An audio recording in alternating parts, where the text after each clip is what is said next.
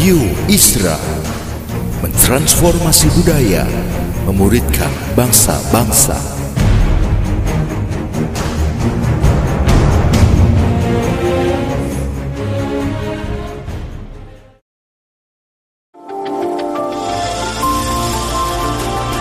Voice of Pradaim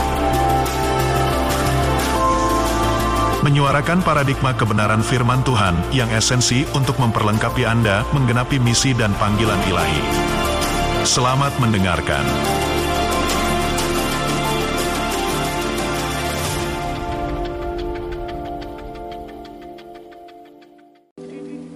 We are thankful to be in your presence, O Lord.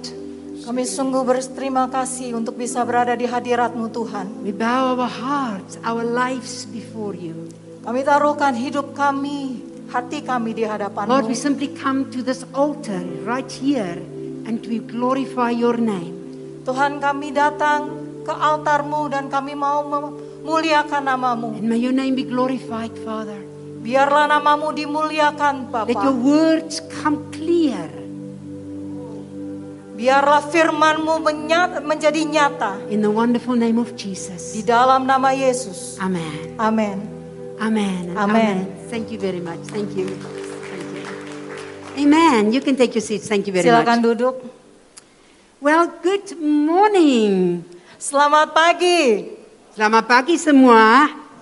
It's to me a joy to be here this morning Ya ini sungguh sukacita buat saya untuk berada di tempat ini pagi ini. because this year is to me quite special. Karena tahun ini buat saya adalah tahun yang spesial. It is this year in January, it is 30 years that I already work in Indonesia in and out. 30 Tep- years. Tepat di bulan Januari ini sudah me- eh, 30 tahun saya melayani di Indonesia. I am working longer in Indonesia than some of this worship team that are much younger, masih muda. Saya rasa saya lebih lama melayani di Indonesia daripada para tim worship eh, yang ada ya. Yes, and it's also already my 45th years of full-time work for God. Dan ini juga menjadi tahun eh, 45 tahun saya full time di dalam ladang Tuhan. And I love this nation and I love especially Papua. Dan saya sungguh mencintai negeri ini terlebih lagi saya mencintai Papua. So, God bless you in Jakarta, tapi saya orang Papuan. Jadi Jakarta Tuhan Yesus memberkati tapi saya orang Papua. Terima kasih. Alright, I like to come to the Word of God Baik, saya akan masuk dalam firman Tuhan. and I like to share with you something very important this morning that has moved my heart already for a long time. Dan saya ingin membagikan sesuatu yang Tuhan taruhkan di dalam hati saya yang sudah menggerakkan saya sejak lama. And because of time, I'm going to go straight to the Word. Jadi karena waktu yang eh, singkat, jadi saya akan langsung masuk ke firman Tuhan. And maybe another time I'll have more opportunity to tell you what's happening in Papua. Mungkin nanti lain kali kalau ada waktu saya akan ber, eh, membagi apa yang terjadi di Papua. I can only tell you God is doing great things in Papua. Saya hanya bisa sampaikan bahwa Tuhan melakukan hal yang luar biasa di Papua. Hayo saudara, you can clap for Jesus. Ayo saudara, tepuk tangan buat Tuhan Yesus. Today I like to talk to you and I call my sermon The Blueprint of God. Pagi ini saya memberi judul pada eh, khotbah saya, cetak birunya Tuhan. This morning when I was praying already yesterday about these meetings, I felt God wanted me to share this with you. Ketika kemarin saya berdoa untuk eh, ibadah pagi ini dan juga tadi pagi, saya merasakan Tuhan mau saya menyampaikan mengenai hal ini. Just like you built, when you build a building, you've got a blueprint. Sama seperti ketika Bapak Ibu membangun sebuah gedung itu pasti ada cetak birunya. Before you even start with the first stone, there's a blueprint that is provided by the architect. Sebelum Bapak Ibu menaruhkan batu pertama itu pasti ada cetak biru yang disediakan oleh arsitek. So I want to talk to you about the blueprint of your life today. Jadi saya mau bicara kepada Bapak Ibu mengenai cetak biru Bapak Ibu hari ini. Now, when we look at the blueprint provided by an architect, Nah, ketika kita melihat cetak biru yang disediakan oleh seorang arsitek, we see that it says, this is what the building would look like, this is the pillars, this is the foundation, and, and, and. Di sana akan di, di, eh, diperlihatkan ini adalah pilarnya, ini adalah bentuk gedungnya dan lain sebagainya. Now, every single person on this earth has a blueprint from God. Dan setiap orang yang ada di muka bumi ini mereka punya cetak biru dari Tuhan. I'm not just talking about preachers, I'm not just talking about the, the full time workers, I'm talking every single person that listen to me now and in this building must know before you were born, God had the blueprint. Saya tidak sekedar berbicara untuk para pemimpin ataupun para eh, pekerja full time di dalam Tuhan, tetapi untuk setiap orang baik yang mengikuti streaming ataupun yang ada di dalam ruangan ini, setiap engkau punya cetak biru dari Tuhan. Wow, good translation. Panjang. Minta maaf. Saya mengerti. Aduh, panjang, sorry ya. Okay, so I like to come to you and I like you to look in your Bibles with me in Psalm 139. Jadi mari kita buka sama-sama di dalam Mazmur 136. And I want to read from the Amplified Bible because it makes it very, very clear. Jadi saya mau baca dari terjemahan Amplified karena itu lebih jelas. I want to read from Psalm 139 and especially verse 13 to 16. Jadi saya mau ajak kita baca dari Mazmur 139 ayat 13 sampai 16. For you did form my inward parts, you did knit me together in my mother's womb. Sebab engkaulah yang membentuk buah pinggangku, menenun aku dalam kandungan ibuku. I will confess and praise you, for you are fearful and wonderfully for the awful wonders of my birth. Wonderfully are your works that you have my inner self known right well.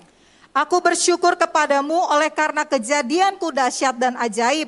Ajaib apa yang kau buat dan jiwaku benar-benar menyadarinya. My frame was not hidden from you when I was being formed in the secret and intricately, curiously wrought together and embroidered together like colors. Tulang-tulangku tidak terlindungi bagimu ketika aku dijadikan di tempat yang tersembunyi dan aku direkam di bagian-bagian bumi yang paling bawah. Now, verse 16 is the key. Nah, ayat ke-16 adalah kuncinya. Your eyes saw my unformed substance, and in your book all the days of my life were written before even they took shape, when as yet there was none of them. Matamu melihat selagi aku bakal anak dan dalam kitabmu semuanya tertulis hari-hari yang akan dibentuk sebelum ada satu pun daripadanya. So here we see that God Almighty, already before you were born, God already had your blueprint written in His book. Jadi kita bisa lihat di sini bahkan sebelum kita lahir Tuhan sudah mempunyai cita, eh, cetak biru atas setiap hidup kita sebelum kita dijadikan. That your days were numbered, your plan was numbered, how God knew your life would go. The blueprint of your life and my life was formed and written in the book of God. Bahwa hari-harimu sudah ditentukan, bagaimana engkau hidup sudah ditentukan dan itu sudah eh, ada di dalam cetak birunya Tuhan. And then God confirmed it again. Lalu kemudian Tuhan mengkonfirmasinya kembali. And he confirmed it when he said in Jeremiah chapter 29 11, I know the plans I have for you. Dan- I know the plans. God knows the plan and the blueprint for you. Dan itu Tuhan konfirmasi kembali di dalam Yeremia 29 dikatakan, aku tahu apa yang eh, rancangan apa yang ada padaku. Tuhan tahu apa yang ada pada Tuhan mengenai cetak biru Bapak Ibu. And your blueprint and my blueprint is that important to God that he would write it in his hand. Dan karena cetak biru Bapak Ibu eh, penting buat Tuhan, punya saya juga penting buat Tuhan sehingga Tuhan menuliskannya di telapak tangannya. That's what Isaiah 49 verse 16 tell us. That God write your name, who you are, what you are in his hand. Itu sebabnya Tuhan menol itu yang dikatakan di dalam Yesaya 49 Tuhan menuliskan siapa engkau siapa namamu itu di telapak tangannya Tuhan. Now every blueprint that God has would be for the glory of God. Nah setiap cetak biru yang Tuhan punya atas setiap hidup Bapak Ibu itu penting buat Tuhan. But now listen, Tetapi sekarang dengarkan, it is the job of Satan to destroy your blueprint. itu adalah bagiannya setan untuk menghancurkan cetak birunya. It is the, the absolute task of Satan to destroy the blueprint. Why?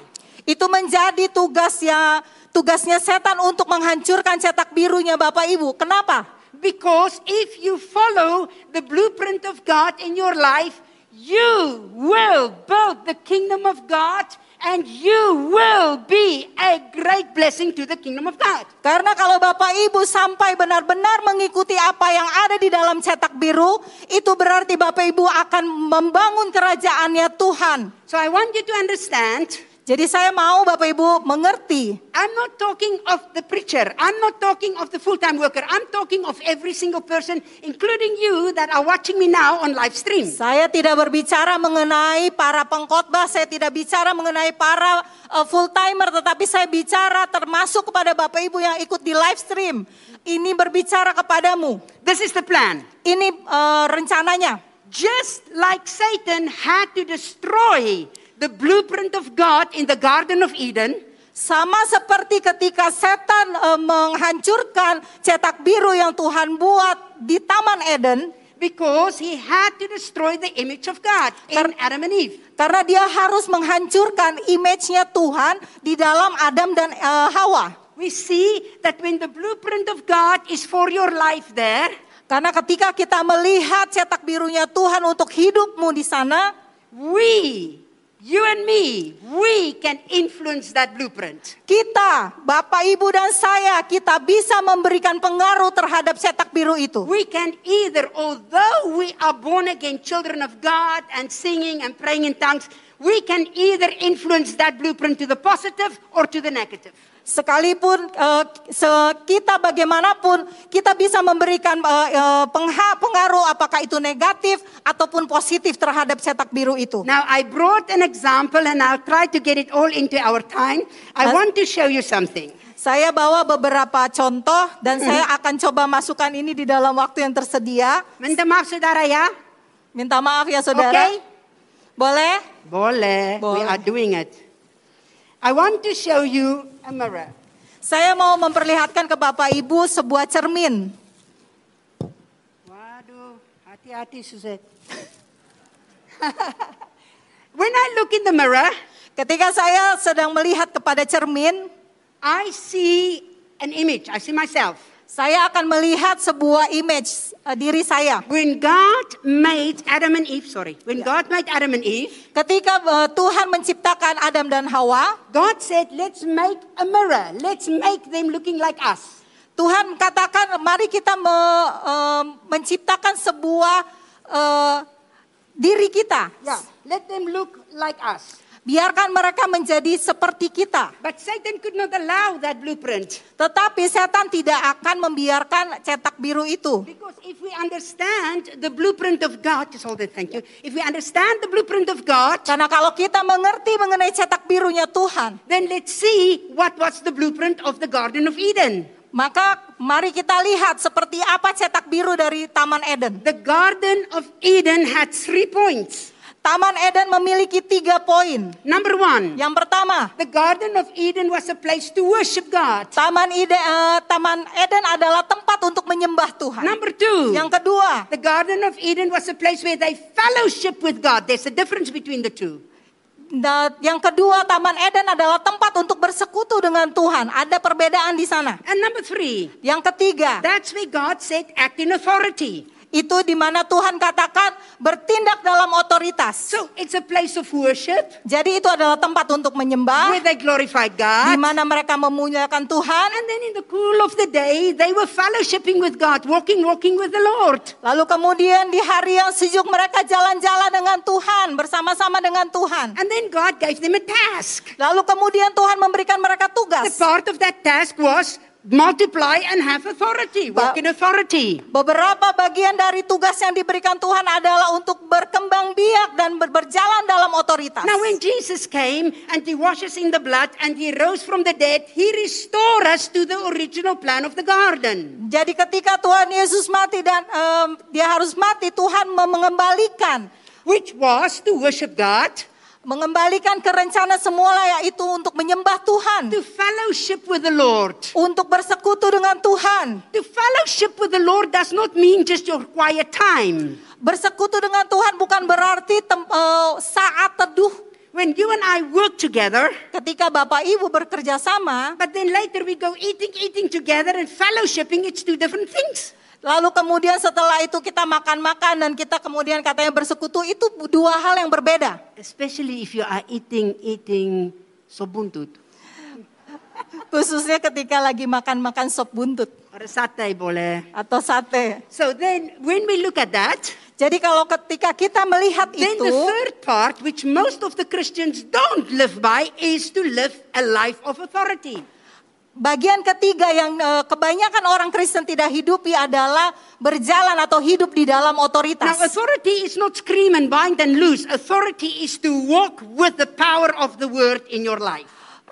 Berjalan dalam otoritas bukan berarti eh, berteriak kemudian kita mengikat dan melepaskan, tetapi berjalan di dalam otoritasnya Tuhan. So Satan had to destroy it. Jadi setan harus menghancurkan hal itu. Because he could not allow that image or that blueprint to be alive. Karena setan tidak bisa membiarkan image atau gambaran Tuhan itu hidup. And what did he do? Jadi apa yang dilakukan? He destroyed it with sin. Dia hancurkan dengan dosa. He broke that image. Dia menghancurkan image atau gambarannya Tuhan. He covered it up with sin. Dia menutupi gambaran itu dengan dosa. He changed the original plan from the blueprint. Dia mengubah eh, rencana yang asli dari cetak biru And- tersebut And nothing has changed yet. dan belum ada yang yang belum ada yang berubah.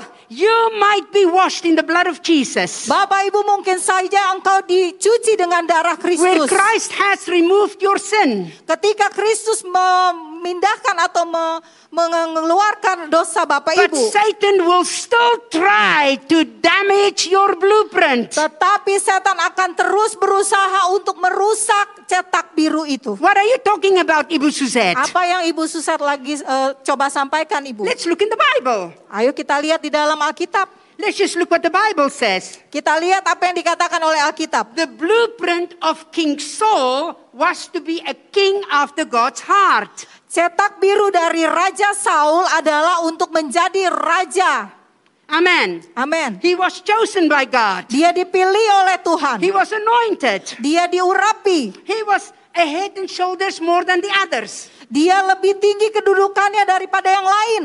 But Tetapi King Saul allowed the fear of man to change the blueprint. Tetapi Raja Saul membiarkan rasa takutnya terhadap manusia mengubah cetak birunya. Now we cannot blame God for that. Nah kita tidak bisa mempersalahkan Tuhan untuk hal itu. We can't even blame the devil for that. Kita bahkan tidak bisa mempersalahkan setan untuk hal itu. We can only blame King Saul himself. Raja Saul hanya bisa menyalahkan dirinya sendiri. Because we- every one of us are responsible for our own hearts before God. Karena setiap kita bertanggung jawab terhadap apa yang ada di hati kita di hadapan Tuhan. So the blueprint was be a king, lead my people. Jadi cetak birunya adalah jadi raja, pimpin umatku. But because of fear of man, Tetapi karena takut kepada manusia, King Saul allowed the blueprint to be changed into compromise. Raja Saul membiarkan cetak birunya berubah karena kompromi. Amin, saudara. Amin, saudara. Betul? Betul? Cucu? Setuju? Cucu, ya, setuju. And sometimes we see that in the Word of God again and again. Dan kadang-kadang kita melihat itu ada di dalam firman Tuhan lagi dan lagi. Now let's take Samson. Nah, sekarang kita ambil contoh lagi Samson. Samson was a miracle child. Samson adalah seorang bayi atau anak eh, mujizat. God did miracles. An angel announced his coming. Tuhan memberikan mujizat di mana seorang malaikat pun mem- memproklamirkan kedatangan eh, Samson. The blueprint was that he would be a judge over Israel. Cetak birunya adalah ia akan menjadi seorang hakim atas Israel. Now, Samson himself allowed the blueprint to be changed. Nah kemudian sekarang Samson sendiri membiarkan cetak birunya berubah. We cannot blame his parents. Kita tidak bisa salahkan orang tuanya. We cannot blame God. Kita tidak bisa salahkan Tuhan. We have to look at Samson himself. Kita hanya bisa melihat ke diri Samson sendiri. Because Samson allowed the blueprint to be changed by lacking of the fear of God. Karena Simpson sendiri yang membiarkan cetak birunya berubah karena tidak cukupnya takut kepada Tuhan. Come on, saudara. Ayo saudara, Who was at the end the most famous? Samson or Delilah? siapa yang akhirnya yang paling eh, pada akhirnya paling terkenal, Simpson atau Delila? Don't answer. Enggak, jangan dijawab. Tidak apa-apa. You know what I'm saying. Bapak Ibu tahu yang saya mau sampaikan. Why? The blueprint got changed. Lalu kenapa eh, cetak birunya berubah? This was the plan of God. Ini eh, rencananya Tuhan. But because of his own lack of the fear of God, he himself changed the blueprint from positive to negative. Tapi karena kurangnya takut akan Tuhan, dia membiarkan cetak biru itu berubah dari positif menjadi Now negatif. let's look at Queen Esther. Lalu kemudian kita lihat Ratu Esther. She was she was a slave. Dia adalah seorang budak awalnya. She lost her parents. Dia kehilangan orang tua. She was taken to a different country. Dia bahkan dibawa ke negara yang berbeda. She lost her identity. Dia kehilangan identitasnya. She was not even allowed to say who she was. Bahkan dia tidak diperbolehkan untuk memperkenalkan siapa dirinya. Saya Ibu Suzette. Saya orang Jerman. Saya Ibu Tetapi, Suzette, saya saya orang Jerman. orang Papuan. Tapi saya orang Papua. I am not ashamed to say who I am. Saya tidak malu untuk mengatakan siapa diri saya. I am not ashamed to stand for Indonesia. I am not ashamed to stand for Papua. Saya tidak malu untuk berdiri bagi Indonesia, saya tidak malu untuk berdiri bagi Papua. Amen. Amin. But Esther was not allowed to say it. Tetapi Esther tidak diperbolehkan untuk memberitahukan siapa dia. But Esther hold to the blueprint. Tetapi Esther dia bertahan pada cetak birunya. She worshiped God. Dia menyembah Tuhan. She remained humble. Dia tetap rendah hati. She turned her servants around her into serving God, fasting with her. Bahkan dia mengubah para dayang-dayangnya berubah untuk menyembah Tuhan. And no matter the difficulty, Dan tidak peduli bagaimana no matter kesulitannya. the problems, Tidak peduli bagaimana masalahnya. Esther hold to the blueprint and at the end she saved a nation. Eh, Ratu Esther tetap memegang cetak birunya dan pada akhirnya dia menyelamatkan sebuah bangsa. Hallelujah, saudara. Haleluya saudara. Amen. Amin. And we see this in the Bible again and again. Dan kita bisa lihat ini di dalam Alkitab lagi dan lagi. We see that God, through his servants, those that held to the blueprint, and no matter what difficulty came their way, Kita bisa melihat beberapa hamba-hamba Tuhan di dalam Alkitab bagaimana mereka tetap berpegang kepada cetak birunya tidak peduli apa pun yang ada di depan mereka. Now, I like to focus especially on one. Nah saya mau kita berfokus hanya kepada satu. Because if Satan cannot get you to sin, he will try to give you a religious spirit. Karena kalau setan tidak bisa menjebak engkau dengan dosa, mereka setan akan berusaha membuat engkau hidup dalam hidup agamawi. Say it again. Kalau setan tidak bisa menjebak Bapak Ibu dengan dosa, dia akan membuat Bapak Ibu hidup dalam satu kehidupan yang penuh dengan agamawi. Look at them, Salah. They didn't hear you. Kalau setan tidak me- tidak bisa menjebak Bapak Ibu dengan dosa untuk berbuat dosa, setan akan membuat Bapak Ibu hidup dalam satu kehidupan yang hanya ada agamawi.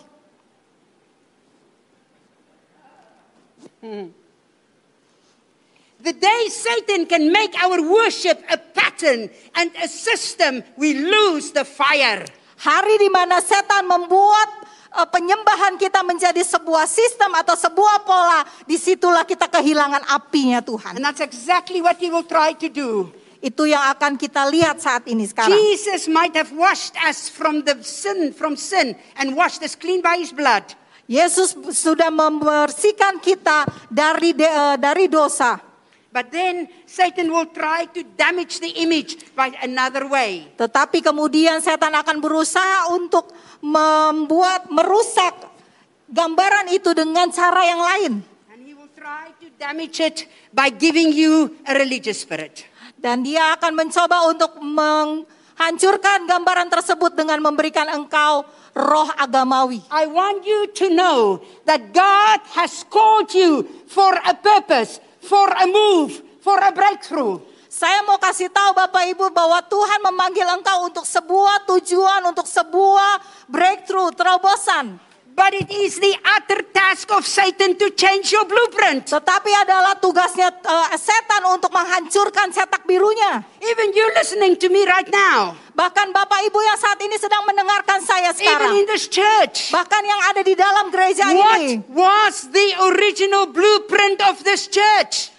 Apa yang menjadi cetak biru awal dari gereja ini? What is the call of this church before God? Apa yang menjadi panggilan dari gereja ini di hadapan Tuhan? Why are you here? Kenapa engkau ada di sini? Why have God brought you to worship in this place? Kenapa Tuhan membawa engkau untuk menyembah di tempat ini? Because before you were born, God already planned for you to be here, part of the breakthrough. Karena sebelum engkau lahir Tuhan sudah eh, merencanakan engkau untuk menjadi bagian dari tempat ini untuk sebuah terobosan. Now, I like to take you quickly to one blueprint that I find very, very interesting in the Bible. Nah saya mau bawa Bapak Ibu untuk kepada satu cetak biru yang cukup menarik di dalam And Alkitab. I like to take you to two young men in the Bible in an amazing call of God. Saya mau ajak Bapak Ibu melihat dua orang muda di dalam Alkitab yang me- memiliki panggilan yang luar biasa dari Tuhan. This has helped me personally many a times in my life.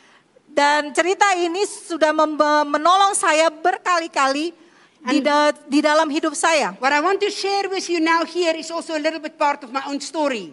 Yang saya mau sampaikan saat ini bagikan kepada Bapak Ibu itu sebenarnya juga bagian dari eh, cerita saya sendiri. Well, many of you know that I love Indonesia. It's no secret. Banyak dari Bapak Ibu yang sudah tahu saya mengasihi Indonesia itu bukan rahasia lagi. I came to Indonesia when I was young. Sekarang sudah orang tua, tetapi I'm still here. Saya datang ke Indonesia ketika saya masih muda dan sekarang saya sudah jadi orang tua, tetapi saya masih tetap di sini.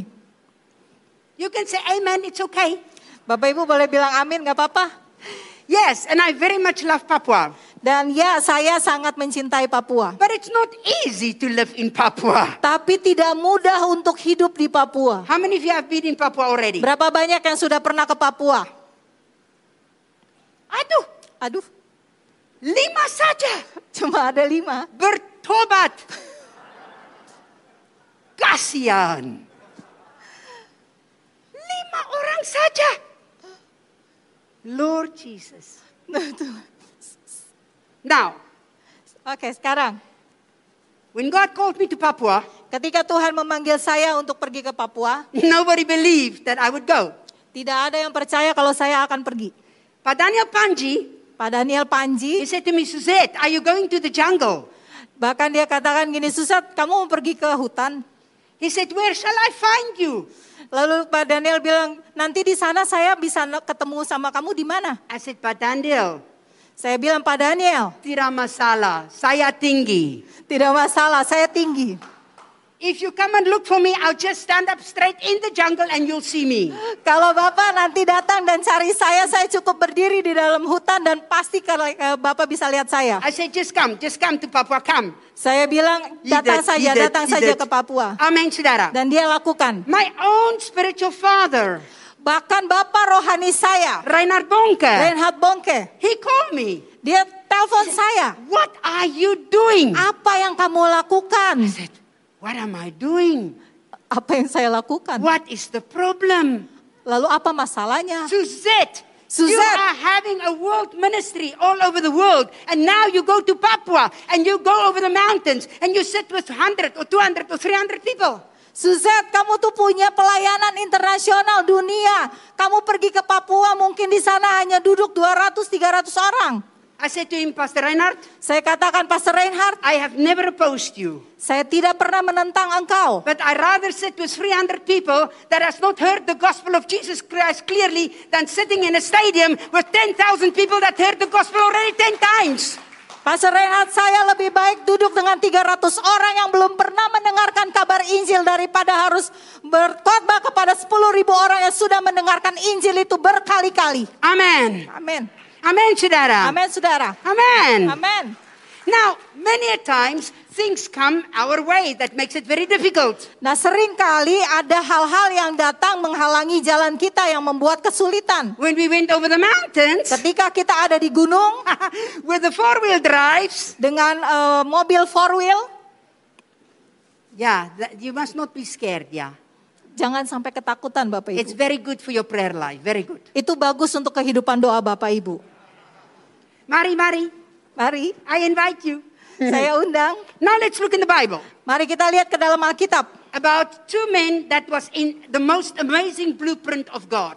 Di tentang dua orang yang memiliki cetak biru yang luar biasa dari And Tuhan. we see that God prepared them right from the beginning to Dan di- be together in the plan of God. Di sana kita bisa melihat bahwa Tuhan sudah mempersiapkan mereka berdua dari pertama untuk bersama-sama untuk rencananya Tuhan. They came from opposite directions, Mereka datang dari dua arah yang berbeda but they were almost the same age. Dan mereka ada di umur yang kurang lebih sama. The one came from a very poor family, the other one from a very rich family. Yang satu datang dari keluarga yang sangat miskin, yang satu lagi datang dari keluarga yang sangat We kaya. see that David came as a shepherd boy, and we see that Jonathan was the son of a king. Kita lihat bahwa Daud mereka dia datang sebagai seorang anak gembala dan Jonathan dia adalah anak dari seorang raja. But you see that God start preparing them for the blueprint of God together. Tetapi kita bisa lihat di sana bahwa Tuhan mulai mempersiapkan mereka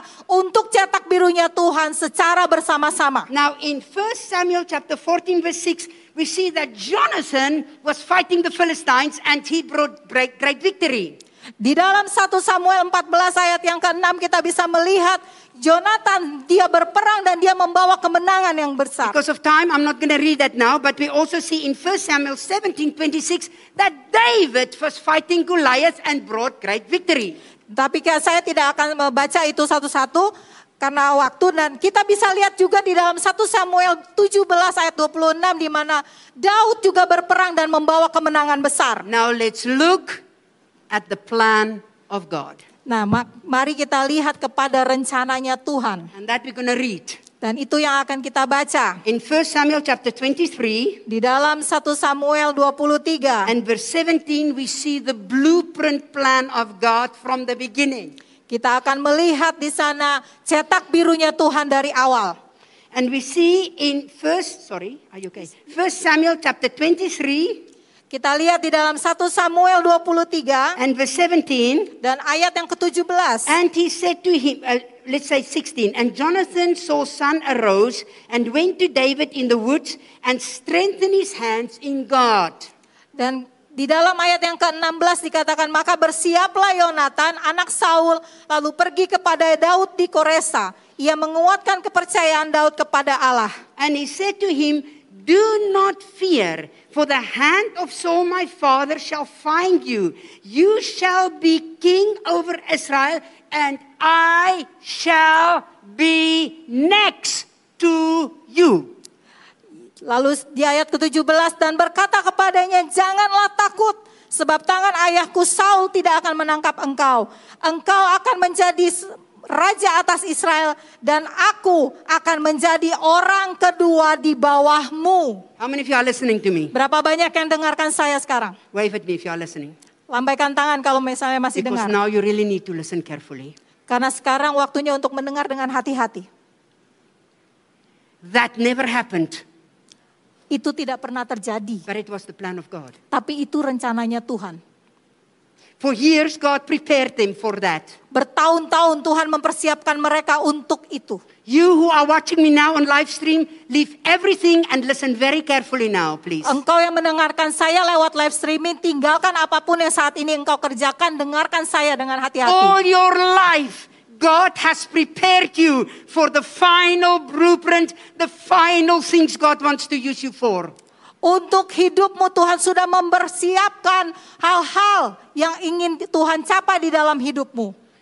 All that David and Jonathan's life, they were together all the way in the planning preparation of God. Sepanjang hidup Jonathan dan Daud, mereka ada di dalam persiapan untuk rencananya Tuhan. Then why did that not happen? Lalu kenapa ini tidak bisa terjadi? And why is it sometimes that God speaks to us and we've got the calling and we've got the passion, but it doesn't seem to happen? Dan kemudian kenapa sepertinya kita punya panggilannya, kita punya passionnya, tetapi itu tetap tidak terjadi. Because of circumstances, because of change of life? Apakah karena keadaan atau karena perubahan dalam hidup? Did God not say He's the same yesterday, today, and forever? Bukankah Tuhan katakan ia sama kemarin, sekarang, dan untuk selamanya? Did the blueprint of God change? Apakah cetak birunya berubah? No. Tidak. Then what happened here? Lalu apa yang terjadi di dalam firman? Why is it that sometimes we've got the promise, we've got the vision, we've got the calling, but we don't see it to happen? Tapi kenapa ketika kadang-kadang kita sudah mendapatkan panggilannya, kita melihat visinya, tetapi itu tidak terjadi. And there are some of you here today, and there are some of you watching me to go whom God has spoken. God has given you a calling, God has given you a promise, God has spoken to you, but you haven't seen it. Bahwa ada yang eh, ada beberapa orang di ruangan ini bahkan yang sedang melihat lewat live streaming. Tuhan sudah memberikan sesuatu kepada engkau tetapi engkau belum melihat. Because we allow the circumstances to change our blueprint. Karena kita sering kali membiarkan keadaan kita mengubah cetak birunya. What are you talking about, Ibu Suzette? Apa yang engkau lagi katakan Ibu When Susan? I went to Papua, Saya pergi ke Papua. I got very, very sick. Saya jadi sangat sakit waktu I itu. got a very bad two viruses. I got two viruses. Saya kena dua virus di sana. And the doctor said to me, Don't go back. Dan dokter katakan sama saya jangan kembali lagi ke But sana. if I don't go back, Tetapi kalau saya tidak kembali, what will I say one day to God when He show me the blueprint? apa yang akan saya katakan kepada Tuhan kalau Tuhan memperlihatkan cetak birunya?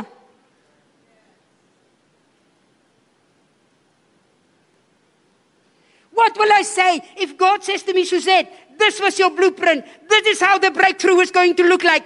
But you listen to that doctor more than my spirit.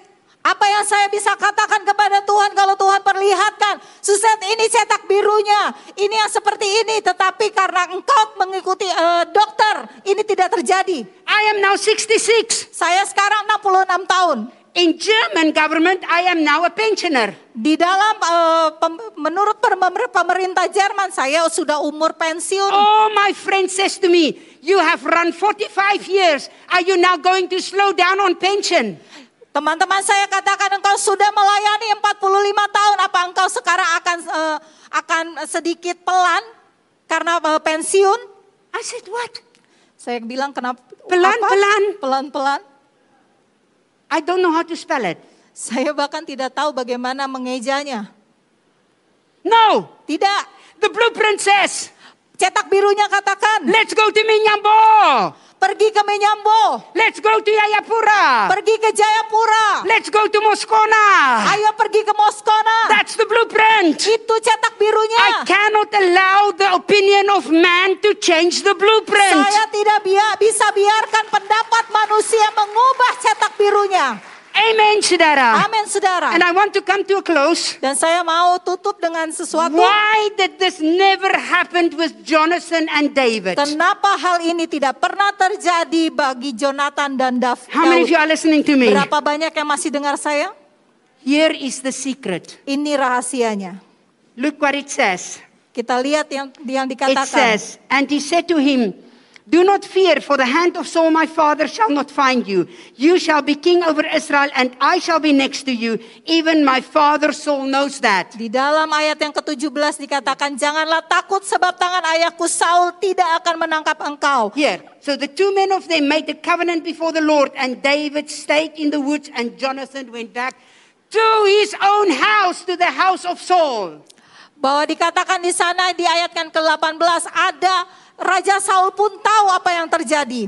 What does that mean? Apa yang dimaksud dengan hal itu? The house of David stood for the anointing, Bahwa Daud berdiri untuk pengurapan. and the house of Saul stood for compromise. Dan eh, dari sisi Saul mereka berdiri untuk kompromi. Maybe Saul looked at the problems of David and said, You know what?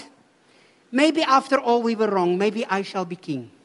Mungkin setelah eh, Daud melihat, Saul melihat apa yang terjadi pada Da- pada Daud, Dikatakan mungkin itu salah, saya yang masih tetap jadi raja. And Jonathan, maybe Jonathan start compromising. Dan mungkin saja Yonatan waktu itu sudah mulai berkompromi. But David, Tetapi Daud even when he was alone, bahkan ketika dia lagi sendirian, even when he was hungry, bahkan ketika dia lagi kelaparan, even when he had little, bahkan ketika dia hanya memiliki sedikit, even he lost the respect of the people, bahkan ketika dia kehilangan hormat dari orang-orangnya, David worshiped God Daud menyembah Tuhan and held to the blueprint dan tetap berpegang kepada cetak birunya and became the king of Israel.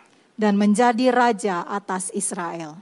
Now, will you stand, please? Mari kita bangkit berdiri. I want to pray for you. Saya mau berdoa buat Bapak Ibu. There are some of you here that allowed other people to influence your blueprint. Ada orang-orang di tempat ini yang membiarkan pengaruh manusia mempengaruhi cetak birumu. If that's you, just raise your hand. Kalau itu adalah engkau, angkat tanganmu. And I'm going to pray for you. Dan saya akan ber- berdoa bagi Some of you engkau. lost your fire. Some of you lost your passion. Beberapa dari engkau kehilangan apimu, Some of you- kehilangan hasratmu. Some of you saw that nothing happened and you don't know why, and you start losing the hope for that blueprint. Dan beberapa dari engkau mulai berpikir bahwa engkau kehilangan dan bahkan kehilangan hasrat untuk cetak birumu. If that's you, just raise your hand. I'll Kalau itu you. adalah engkau, angkat tanganmu. Wave at me. Angkat tanganmu. If you want God to restore your blueprint, just raise your hand. Kalau engkau ingin Tuhan mengembalikan cetak birumu, angkat tanganmu. Lord, in the mighty name of Jesus, Bapa di dalam nama Yesus, I pray for these people now. Aku berdoa untuk mereka saat I pray for them, uh, if they are still on live stream or not, I pray that you put afresh the fire and the passion in them for their blueprint before you. Aku berdoa bukan hanya untuk mereka yang hadir di ruangan ini, tetapi juga yang live stream. Engkau menaruhkan api di dalam And mereka, mengembalikan to, to, cetak birumu. to forgive us if we allow things in the way to change the blueprint, Lord. Dan aku minta Tuhan Engkau mengampuni kami kalau kami membiarkan hal-hal mengubah cetak biru kami. We come back to you, God, and we say, restore the fire and the passion of our blueprint. Dan kami kembali kepadamu Tuhan dan berkata, pulihkan hasrat kami, panggilan kami, api kami Tuhan. In Jesus' Di name. dalam nama Yesus. I thank you for that, Lord. Aku bersyukur akan hal itu Stir Tuhan. their spiritual eyes, stir them, oh God. Gerakkan eh, jiwa mereka, roh mereka Tuhan. In the wonderful Di name of dalam nama Jesus. Yesus yang luar biasa. Amen. Amin.